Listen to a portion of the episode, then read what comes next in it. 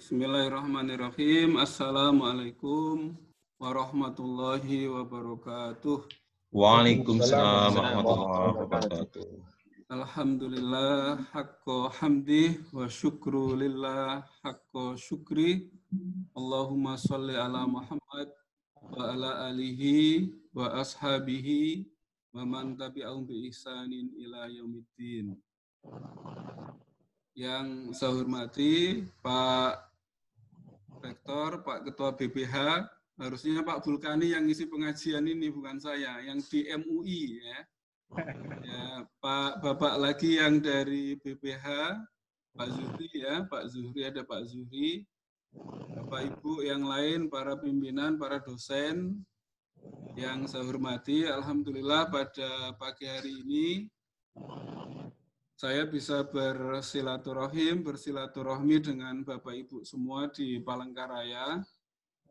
Ini adalah patut kita syukuri karena ternyata Corona itu memberi peluang baru dengan pengajian yang lebih mudah, tanpa harus mencari tiket, tanpa harus menginap di Palangkaraya, kita bisa memanfaatkan teknologi untuk berbagi pengetahuan, berbagi inspirasi antara kita semua. Patut kita syukuri pada pagi hari ini, pada tahun ini Allah masih memberi kesempatan kepada kita untuk menemui bulan suci Ramadan. Semoga ibadah kita lebih baik tahun ini dan semoga kita berdoa, semoga tahun depan kita masih bisa menemui bulan Ramadan, bulan yang suci ini lagi. Amin. Bapak Ibu yang saya hormati, saya kira Ramadan tahun ini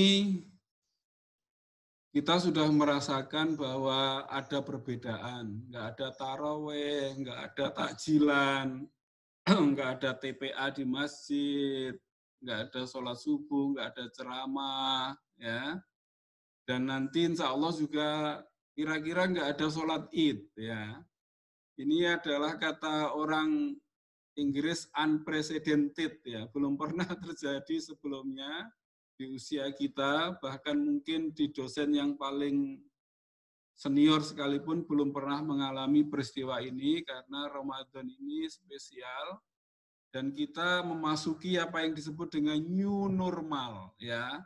Akhirnya di mana-mana pakai masker itu normal, di mana-mana cuci tangan, menggunakan hand sanitizer itu normal, di mana-mana ditembak suhu, ya itu akan menjadi normal. Kita menjaga jarak, nggak ada salaman, nggak tahu sampai kapan nggak ada salaman itu Pak Bulgani. Mungkin sampai vaksin ditemukan baru kita bisa betul-betul salaman dengan orang lain ya. Nah ini adalah peristiwa luar biasa yang perlu kita maknai dan perlu sekaligus perlu kita syukuri. Loh, gimana Pak Sayuti Corona kok disyukuri ya? Karena memang hidup ini tidak ada pilihan lain apa pun yang kita terima dari Allah, apa pun yang kita rasakan harus selalu disyukuri ya. Kita prihatin karena kita sendiri mengalami tidak hanya orang teman-teman kita yang kurang beruntung, tapi kita juga mengalami penurunan income ya. Saya kira Bapak Ibu mengalami itu biasanya bisa apa misalnya ngamen ke sana kemari sekarang udah nggak ada lagi ngamen-ngamen udah ditutup ya nggak bisa Pak Bulkani biasanya rapat di lima tempat sehari ya nggak ada lagi konsumsi rapatnya jadi itu ada pengurangan juga pendapatan dari banyak sisi tapi yang menarik yang perlu kita syukuri adalah hikmah bahwa Corona pada Ramadan ini membuat kita kembali ke keluarga, ke core apa, core of the core kata Cak Ndul itu ya. Kita kembali ke inti ya, core family ya, nukleus family, kita kembali ke keluarga. Pak Bulkani, Pak Rektor, kadang-kadang saya sering di hari-hari normal seminggu itu di rumah sehari dua hari ya Ramadan ini selama corona alhamdulillah tanaman saya terawat Pak Pak Bulgani. Ikan saya juga terawat. biasanya nggak terawat semua, termasuk juga bisa memimpin jamaah dengan anak-anak, bisa tadarus. Biasanya Pak Vulkani kita nggak bisa kahfian malam Jumat ya. Alhamdulillah selama ini anak-anak solid bahwa setiap malam Jumat kita membaca Al-Kahfi bareng ya. Kita bisa tadarus. Nah ini patut disyukuri meskipun juga menjadi tantangan ya. Kalau bapaknya tidak bisa menjadi imam gimana dong ya. Nah, itu tantangan juga. Tapi kadang-kadang kita bersyukur anak-anak kita bahkan mungkin bacaannya lebih baik dari bapaknya. Kita harus rela, oke okay, anaknya mungkin yang masih SMP, anak saya SMP, sering saya minta untuk imam taraweh karena hafalannya dia lebih banyak daripada bapaknya, daripada saya. Nah ini juga patut disyukuri Bapak Ibu karena kita kembali ke keluarga, kita kembali ke institusi terpenting dalam hidup, yaitu family, yaitu keluarga.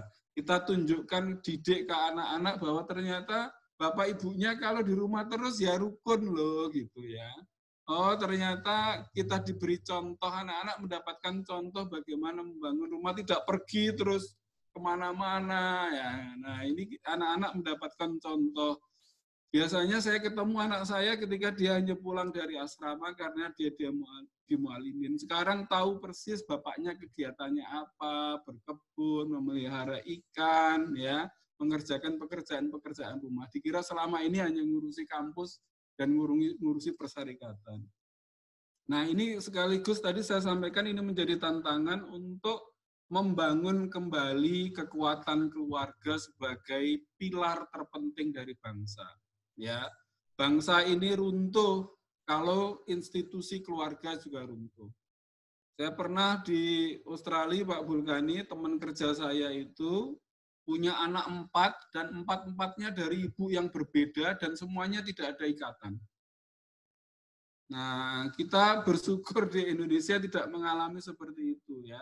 Kita merasakan betapa pentingnya membangun institusi keluarga ya, Quran mengatakan mifakon golidho ya perjanjian yang agung dari keluarga itu dan itu menjadi penciri ya menjadi penciri kenapa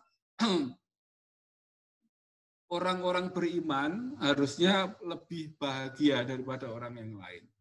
Nah, ada satu riset yang pernah saya sampaikan itu bahwa ternyata orang itu panjang umur itu di samping silaturahmi adalah apa family support ya. Bapak Ibu itu kalau di rumah tenang, insya Allah bekerja juga tenang. Ya. Nah ini patut kita syukuri, meskipun tadi memberi tantangan karena apa? Sekolah-sekolah kita kadang-kadang kita terlalu sering ketika memasukkan anak kita ke sekolah, kata orang Jawa itu pasrah bongkoan. Pasrah bongkoan itu diberikan seutuhnya kepada sekolah. Ternyata apa? Tidak bisa menjadi solusi. Keluarga tetap sebab ketika di sekolah diajari membaca Quran dengan baik tapi di rumah tidak ada suara Al-Qur'an, maka sebetulnya anak-anak mengalami masalah. Karena itu sekolah-sekolah Muhammadiyah harusnya termasuk kampus kita meskipun mungkin masih berat untuk dilakukan, perlu mendidik anak sekaligus mendidik orang tuanya. Ya, yang disebut dengan parenting itu. Nah, Bapak Ibu, ini yang pertama yang ingin kami sampaikan, meskipun kita memasuki the new normal, ya, ada hal-hal yang dulu tidak normal, sekarang kita rasakan menjadi normal, harus kita nikmati sebagai kenormalan, kenormalan gara-gara corona. Kita juga perlu bersyukur Bapak Ibu yang berada di kampus ini, di kampus Muhammadiyah yang jumlahnya 166 itu, Kenapa? Karena Allah memilihkan tempat kita bekerja itu institusi yang insya Allah baik. Ya.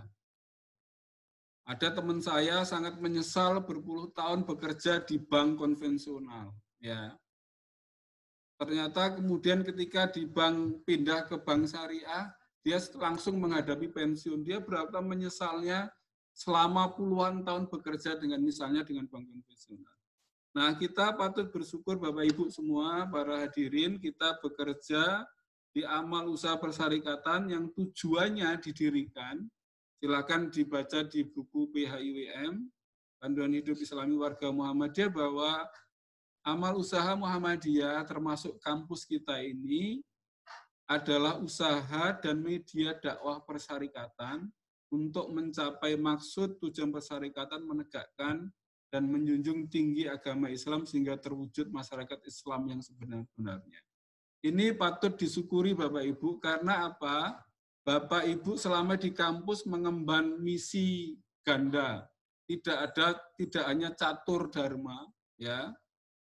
Pendidikan, pengajaran, penelitian, pengabdian dan alisan Muhammadiyahan, Bapak Ibu juga menjadi menjadi bagian dari dakwah. Bapak Ibu mungkin ingat ketika di wisuda saya selalu ingatkan pada orang tua Bapak Ibu mengirim putra-putrinya kuliah di Muhammadiyah itu tidak hanya dapat kesarjanaan, insya Allah, tapi juga dapat amal jariah karena uang SPP, uang pembangunan Bapak Ibu menjadi gedung baru, menjadi masjid, yang itu adalah amal jariah yang tidak pernah kita rasakan.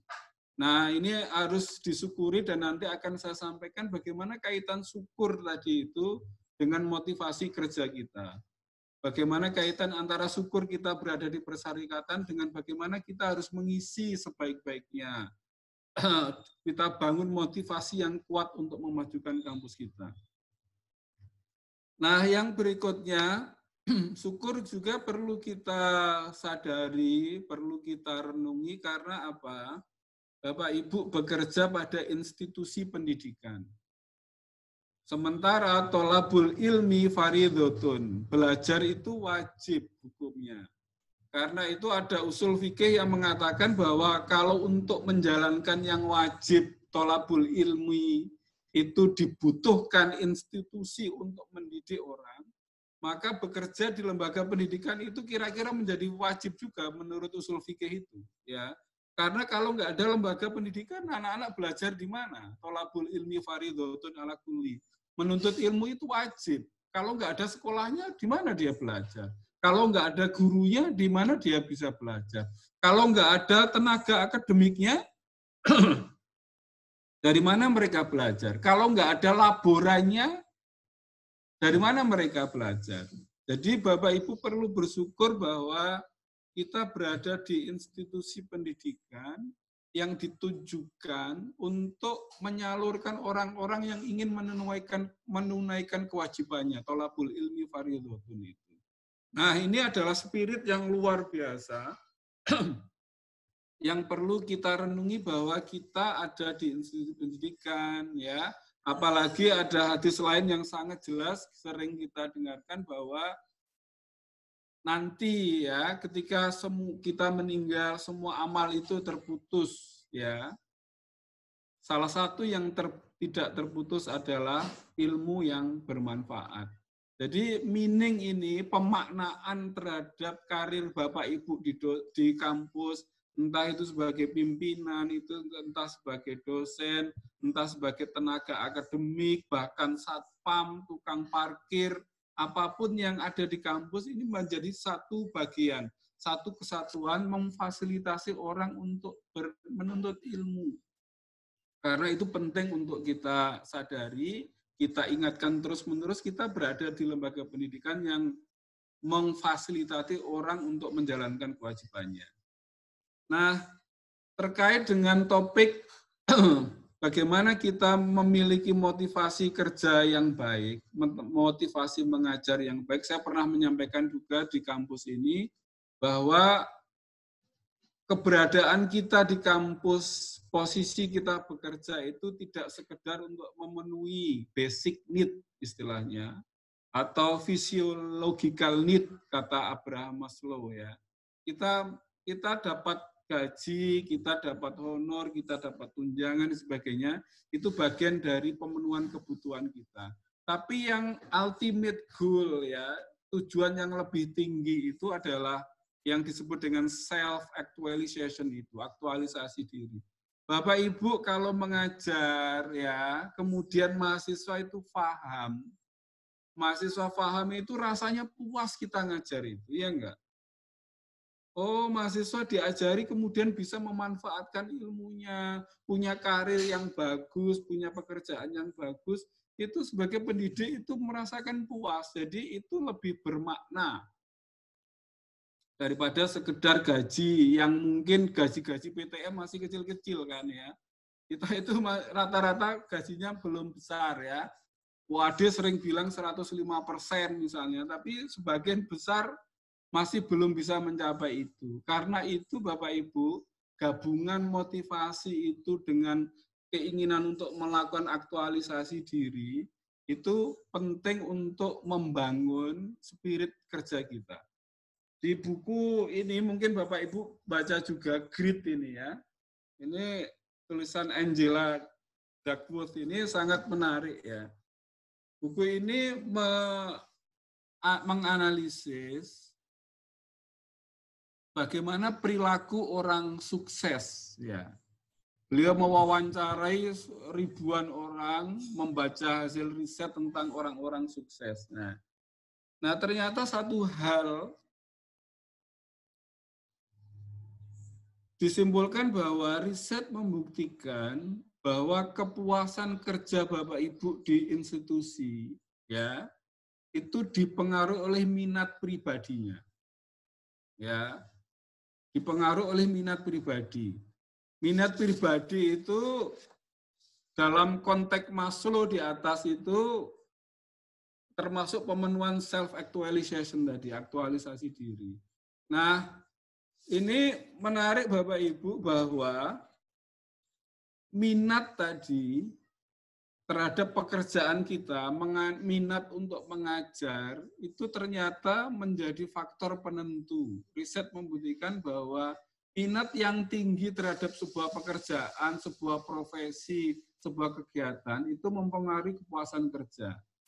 Nah, bagi yang belum punya landasan yang kuat, bagaimana mau manai, memaknai pekerjaan sebagai dosen, sebagai tenaga pendidikan, entah itu sebagai satpan, sebagai cleaning service di kampus, perlu mengingat tadi itu bahwa kenapa saya berada di kampus? Karena saya mau beramal jariah.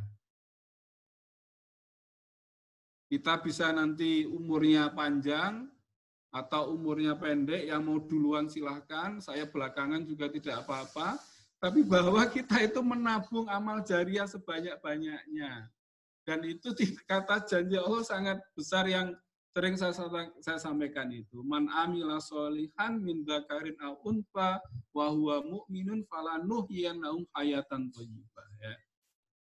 Ada dua tadi ya, amal jariah sendiri tidak pernah terputus, apalagi mahasiswa kita menjadi guru, punya FKIP kita, bisa menjadi dosen, bisa memanfaatkan ilmunya, itu adalah amal yang tidak terputus. Nah, yang kedua adalah amal soleh tadi. Nah, minat tadi menurut riset yang sangat kuat itu perlu dibangun Bapak Ibu. Waduh, untuk pertama mungkin mengajar itu masih membebani, bikin RPS, harus mengevaluasi, harus menyiapkan bahan kuliah, apalagi semuanya online, dikira lebih gampang. Enggak, kita semuanya ngecek tugas-tugas online, pekerjaan tambah banyak ya per, per, apalagi Pak Rektor ngejar-ngejar ah, jabatan fungsional harus diurus, pendidikan harus tambah terus.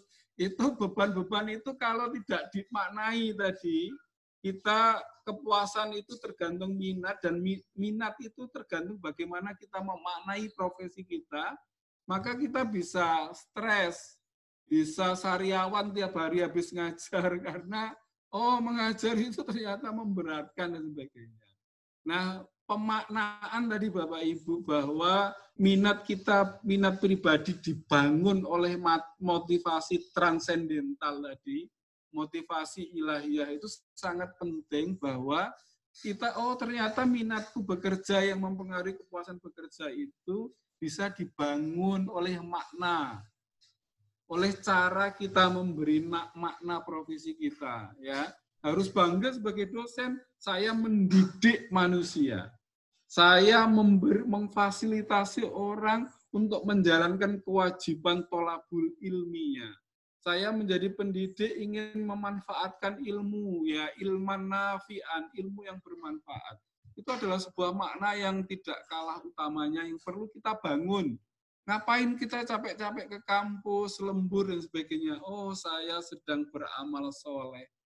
Ya, jangan ke kampus hanya saya mau cari uang, nggak ada uangnya, nggak banyak di kampus-kampus Muhammadiyah uangnya. Ya. Tapi janji tadi amal soleh, amal jariah itu lebih bermakna. Nah, Bapak Ibu yang kedua, kalau pertama tadi minat pribadi ya, minat pribadi, kemudian cocok dengan pekerjaan itu membuat bahagia. Riset meta-analisis selama 60 tahun terakhir membuktikan, kata Ibu Angela ini, bahwa kinerja yang baik dari seseorang di tempat kerja ya ditentukan oleh persepsi kita sendiri bahwa yang mereka kerjakan itu menarik, menyenangkan. Ya. Coba Bapak Ibu ini riset meta analisis itu artinya riset yang meriset hasil-hasil penelitian. Ya. 60 tahun selama 60 tahun tadi membuktikan bahwa kinerja kita di kampus sebagai pimpinan, sebagai dosen, sebagai kepala apa, sebagai tadi satpam, sebagai cleaning service, sebagai tenaga pendidikan, itu kinerja yang baik itu dipengaruhi oleh persepsi kita, alam pikiran kita, bahwa yang saya, saya kerjakan itu menarik, menyenangkan, bermakna dunia akhirat. Nah, ini adalah sebuah tantangan bagi kita semua yang ada berada di PTN. Ya. Kalau tadi saya mengajak kita semua untuk memberi pemaknaan atas apa yang dikerjakan, bahwa kita harus membangun persepsi di alam pikiran kita bahwa mengerjakan itu pekerjaan yang menarik, menyenangkan. Kita mendidik anak orang. Dulu pernah saya sampaikan kalau mereka puas dengan pekerjaan kita, puas dengan cara kita mengajar, mereka mendoakan kita menjadi samara, mendoakan kita punya anak turun, anak turun soleh solihah, maka tidak ada yang bisa membatasi doa-doa mereka.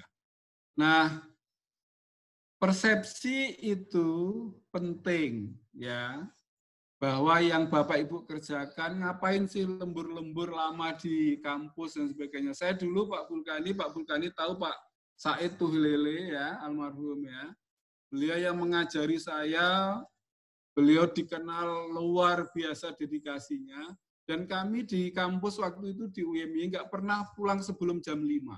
Padahal datang beliau paling pagi. Kantor buka jam 8, setengah 8 itu dia sudah datang. ya. Nah, kok nggak pernah lelah gitu sepertinya ya dari jam 8 sampai jam 5 sore baru pulang gitu. Nah, karena tadi itu ada persepsi yang kita bangun di hati kita, di alam pikiran kita bahwa pekerjaan ini menarik, menjanjikan sebuah reward, sebuah am, apa balasan yang setimpal baik dunia dan akhirat. Nah, yang menarik Bapak Ibu, ini ada survei di Amerika tahun 2014 ternyata dua per tiga orang dewasa yang bekerja ini perlu menjadi refleksi bagi kita. Dua per tiga orang dewasa di Amerika itu tahun 2014 mengaku tidak mencurahkan sepenuhnya pada pekerjaannya. Dua per tiga loh ya. Sebuah angka yang signifikan ya. Dua per tiga orang bekerja itu belum ya tidak atau belum? Ya kalimat penelitian ini tidak. Kalau menurut saya kalimat yang lebih halus belum mencurahkan diri sepenuhnya pada pekerjaannya. Dan di seluruh dunia hanya 13 persen orang dewasa yang mencurahkan diri apa energinya pikirannya pada pekerjaannya. Hanya 13 persen itu saja sudah seperti ini. Bagaimana kalau kita mencurahkan 50 persen? Bagaimana kalau kita mencurahkan 75 persen? Oh, nanti UNLAM itu lewat itu sama dosen-dosen UM Palangkaraya. UNLAM, Pak ya, yang negeri ya. Kampus negerinya apa di Palangkaraya? PR. PR, Pak. Hah? PR, Pak. Universitas? Palangkaraya. Palangkaraya. Nah, Bapak Ibu, ini riset membuktikan di seluruh dunia bahwa sebagian para pegawai pekerja itu baru mencurahkan 13 persen energinya pada pekerjaannya. Nah, bagaimana dengan kita? Pertanyaannya. Sudah seberapa tinggi kita curahkan energi kita, pikiran kita untuk memajukan kampus, ya. Perlu disurvei nanti Bu R2 ya, dari kinerja SDM-nya ya. Nah, katakanlah kita di 13 persen itu sudah punya kampus mahasiswa 5.000 Pak ya. Nah, kita punya 166 kampus. Coba kita tingkatkan tadi. Persentase dosen kita, tenaga pendidikan kita lebih tinggi curahan pikiran energinya untuk kampus menjadi 25 persen. Tadi saya sampaikan, oh kampus-kampus negeri lewat, kita bisa menjadi lebih baik dari kampus-kampus yang lain. Nah, tadi pertanyaannya, bagaimana dengan Bapak Ibu, bagaimana dengan saya? Seberapa tinggi kita mencurahkan energi kita untuk membawa kemajuan umat, untuk membawa kemajuan kampus kita menjadi sangat maju? Itu pertanyaannya. Nah, Pak, Bapak Ibu yang saya hormati, kembali ke tadi, ya, kita belum mencurahkan seluruh energi kita. Dari rumah juga mikir bagaimana kampusnya maju ya. Di kampus juga tidak habis untuk WA-an waktunya ya. Tidak untuk update Facebook ya. Tidak di kampus malah jual beli dan sebagainya. Karena kita belum mencurahkan energi kita untuk kampus. Ya, dulu sering ilustrasi ini ya. Kampus-kampus yang maju katanya kalau bertemu di kampus, topiknya bagaimana kita meningkatkan publikasi, bagaimana kita meningkatkan kepuasan mahasiswa. Nah, kampus-kampus yang kurang maju, topik pembicaraan ketika di kampus itu rumah baru, mobil baru, ada produk perhiasan baru. Nah, itu berarti kita belum mencurahkan, belum mencurahkan. Dugaan saya tadi, kita belum punya motivasi yang kuat, belum bisa memaknai, oh betapa strategisnya pekerjaan kita, betapa mulianya. Bapak Ibu datang ke kampus UM Palangkaraya ini dunia akhirat loh, jangan lupa ya. Jangan lupa man amilah solihan, tadi di Quran yang lain mengatakan ya. Innaladzina amanu a'udzubillahi minasyaitonirrajim innaladzina amanu wa amilus solihati ulaika hum khairul bariyah. Nah, coba bayangkan di Al-Bayyinah itu ya. Surat 98 ayat 7 ya. Kalau kita memberi makna, membangun motivasi, membangun cinta kepada pekerjaan di atas motivasi tadi, bahwa saya beramal soleh loh di kampus ini ya Allah mengatakan itulah sebaik-baik makhluk. Ya. Apakah kita tidak ingin hidup kita yang hanya 60, 70, 80 tahun itu tidak menjadi sebaik-baik kisah hidup kita, ya sebaik-baik ciptaan ya. Ada pada ayat yang lain ini lebih menarik terkait dengan amal soleh ya. Nah, di surat yang lain Allah berfirman, dan barang siapa mengerjakan amal-amal soleh dan ia dalam keadaan beriman, ya, mayak malmina solihati wahuwa mu'min, ya, maka ia tidak khawatir akan perlakuan yang tidak adil terhadapnya dan tidak tidak akan ada pula pengurangan atas haknya. Ini ada cerita pribadi Pak Bulkani, Pak Rektor ya nggak apa-apa saya ceritakan. Saya 9 tahun di UMY. 9 tahun itu BPH ingin mengangkat saya sebagai pegawai tetap. Rektor tidak setuju. Ya. Dan rektornya teman saya. ya, tapi saya nggak pernah mempermasalahkan sampai sekarang masih saya sering ke UMY berhubungan baik karena saya nggak khawatir saya mencoba memberi makna bahwa saya bekerja di AUM, di PTM itu untuk beramal soleh. Jadi 9 tahun loh nggak diangkat, Bapak orang-orang lain bisa frustasi, tapi janji Allah tadi ini ya, orang yang beriman dan beramal soleh ya, maka dia tidak khawatir akan perlakuan yang tidak adil misalnya dari perspektif itu. Ya, saya tahu alasannya waktu itu prodinya nggak ada yang cocok sama sekolahnya bapak. Oke ya, saya tidak ada masalah. Saya masih baik. Rektornya sering mantan rektornya sering ketemu. Saya masih sering ke ini. Saya nggak pernah ada dendam sama sekali. Nggak ada masalah. Ya, saya tidak merasa ini seperti janji Allah ini. Nah, lagi Pak Rektor, saya di UAD 2008 ya sudah SK BPH, ya. Kemudian saya belajar sekolah di Australia, S2, S3 langsung. Berapa tahun itu? Hampir enam tahun ya. Nah, selama saya sekolah, saya nggak sama sekali nggak diberi gaji. Tapi jangan ceritakan ke dosen ke BPH UAD ya, nggak apa-apa. Saya hanya sebagai ilustrasi dari ayat ini.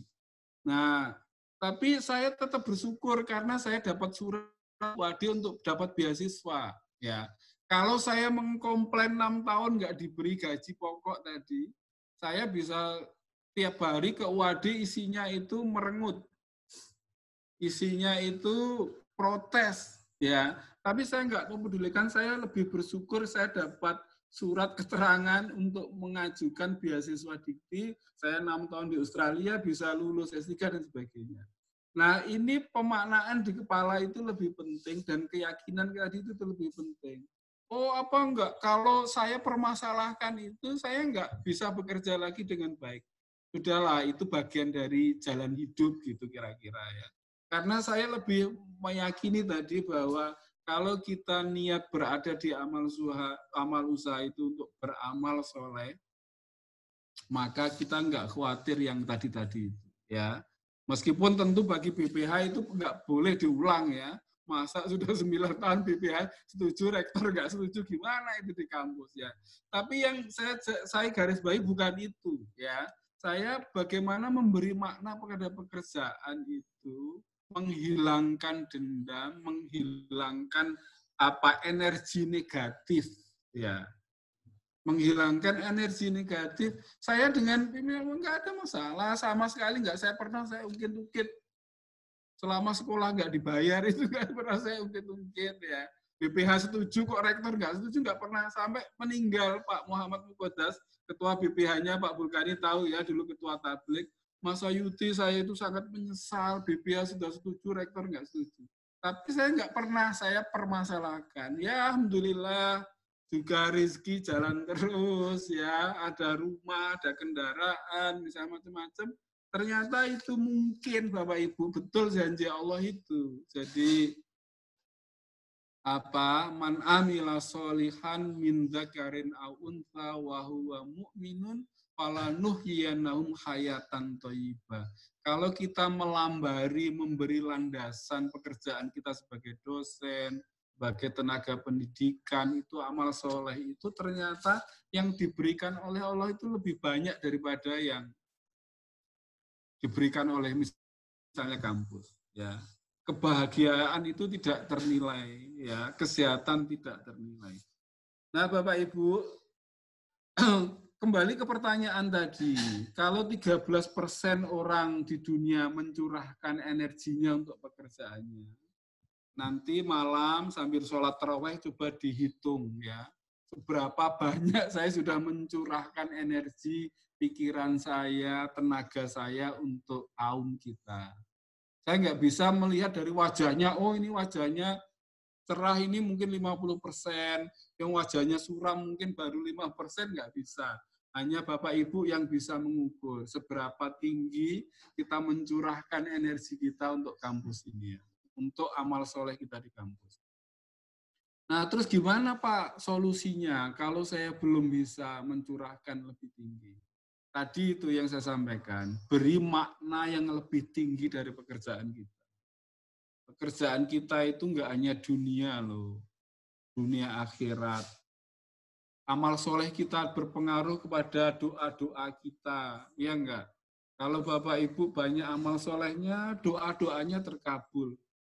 Agar anak-anak kita soleh, solihah, ya, mendoakan kita kalau sudah enggak ada, itu lebih bermakna daripada gaji, daripada kendaraan Alphard. Enggak ada dosen PTM punya mobil Alphard, rektornya aja nggak punya, BPH-nya nggak punya ya. Jangan bandingkan, tapi tadi janji Allah sangat luar biasa. Ya, punya alpat tapi kalau nggak bahagia apa gunanya? Tiap hari kita mikir uang aja untuk servis untuk apa-apa ya. Nah, bagaimana kalau kita bisa belum membang, belum bisa mencurahkan dengan presentasi yang tinggi? Tadi itu bangun makna baru. Tumbuhkan kesadaran baru bahwa saya di kampus ini beramal soleh beramal jariah ya. Nah, latihlah untuk mencintai pekerjaan kita. Mari terus berlatih untuk mencintai. Sering saya sampaikan, kalau dosen mencintai pekerjaannya itu, kalau ngajar sambil senyum, nggak sambil merengut, marah, ada nggak bisa, mahasiswanya emosi, ya, bikin sampai rumah apa darah tinggi nggak ada. Kalau kita mencintai pekerjaan kita, ada yang nggak paham itu, masya Allah apa ya caranya? Bagaimana caranya mahasiswa paham? Nah, perlu Bapak Ibu mungkin perlu pelatihan tersendiri bagaimana kita mencintai pekerjaannya. Kalau yang tadi saya sampaikan, amal jariah, amal soleh itu menjadi motivasi transenden untuk kita bisa bekerja dengan baik. Mari kita cintai. Pak, saya sudah saya paksa-paksa, nggak cinta Pak saya sama profesi ngajar. Nah, kalau nggak bisa mencintai ya barangkali Bapak Ibu lebih cocok jadi petani atau pengusaha. Mungkin Bapak Ibu lebih sukses. Jangan ditahan-tahan di sini kelamaan nanti ya, bikin sariawan, bikin kurus ya. Udahlah, kalau nggak bisa mungkin Bapak passionnya itu bisnis ya. Nanti kalau sudah kaya bantu kampus amal jariah yang banyak ya. Bangun kampus masjidnya kampus dan sebagainya. Nah, Pak, saya jadi dosen terpaksa, Pak. Saya disuruh orang tua saya misalnya. Ya, tadi resepnya itu maknailah pekerjaan. Pertama makna ya. Beri makna yang lebih tinggi dari pekerjaan kita. Yang kedua adalah cintailah ya. Nah, sebab apa Bapak Ibu? Kalau kita bisa mencintai pekerjaan, punya pemaknaan yang lebih tinggi, maka kita bisa bekerja lebih keras. Ya, tuntutan kita bisa lebih keras ya. Saya ambil contoh misalnya Bapak Ibu di antara kampus yang leading misalnya UMY tempat saya dulu misalnya tuntutan-tuntutan untuk dosennya lebih keras ya. Mereka UMY sudah tidak merekrut master sekarang ya. Dosen-dosen harus men curahkan energinya di situ ya. Banyak camp-camp untuk meningkatkan publikasi untuk meningkatkan itu termasuk PJJ-nya Pak Vulkani ya. UMY itu sudah hampir 600 mata kuliah itu sudah siap modul-modul PJJ-nya mereka bekerja lebih keras tapi yang disebut memberi makna memberi motivasi juga tidak boleh dilupakan ya.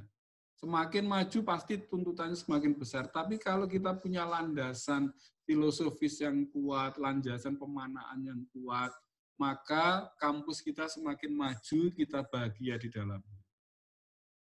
Sebab apa Bapak Ibu? Kalau kita bisa mencurahkan diri pada pekerjaan kita, pada profesi kita, pada amal kita tadi itu, maka kita punya energi besar untuk membangun keunggulan di kampus kita. Karena itu yang terakhir sudah hampir satu jam, mari kita berdamai dengan pekerjaan kita. Berdamai dengan rutinitas kita sebagai dosen. Pak Rektor kan sekarang diberi apa indikator kinerja yang tidak ringan. Dulu Pak Bulkani belum dikasih itu ya. Sekarang target-targetnya Pak Rektor WRWR ini lebih berat. Capaiannya capaiannya berat ya. Saya menyebutnya tidak bisa tidur itu karena capaiannya capaiannya berat. Lektor kepalanya berapa, mungkin sudah ditarget punya profesor ya. Ya, mahasiswa berapa. Nah, kalau kita memberi makna pekerjaan kita tadi itu ya, tidak sekedar fisiologikal need-nya Abraham Maslow, tapi kita bangun motivasi yang lebih tinggi ya. Maka tadi itu, masa kita nggak yakin sama janji Allah? Allah sudah sangat jelas, Allah memberi kehidupan yang baik. Ya, mari kita luruskan niat kita, mari kita berdamai dengan pekerjaan kita, tugas kita, mari kita cintai pekerjaan itu sebagai bagian dari ibadah kita kepada Allah, Nah, kalau kita nggak bisa mencintai pekerjaan kita, gimana Pak Sayuti? Kalau tidak bisa, ya carilah cinta yang lain. Ya. Assalamualaikum warahmatullahi wabarakatuh.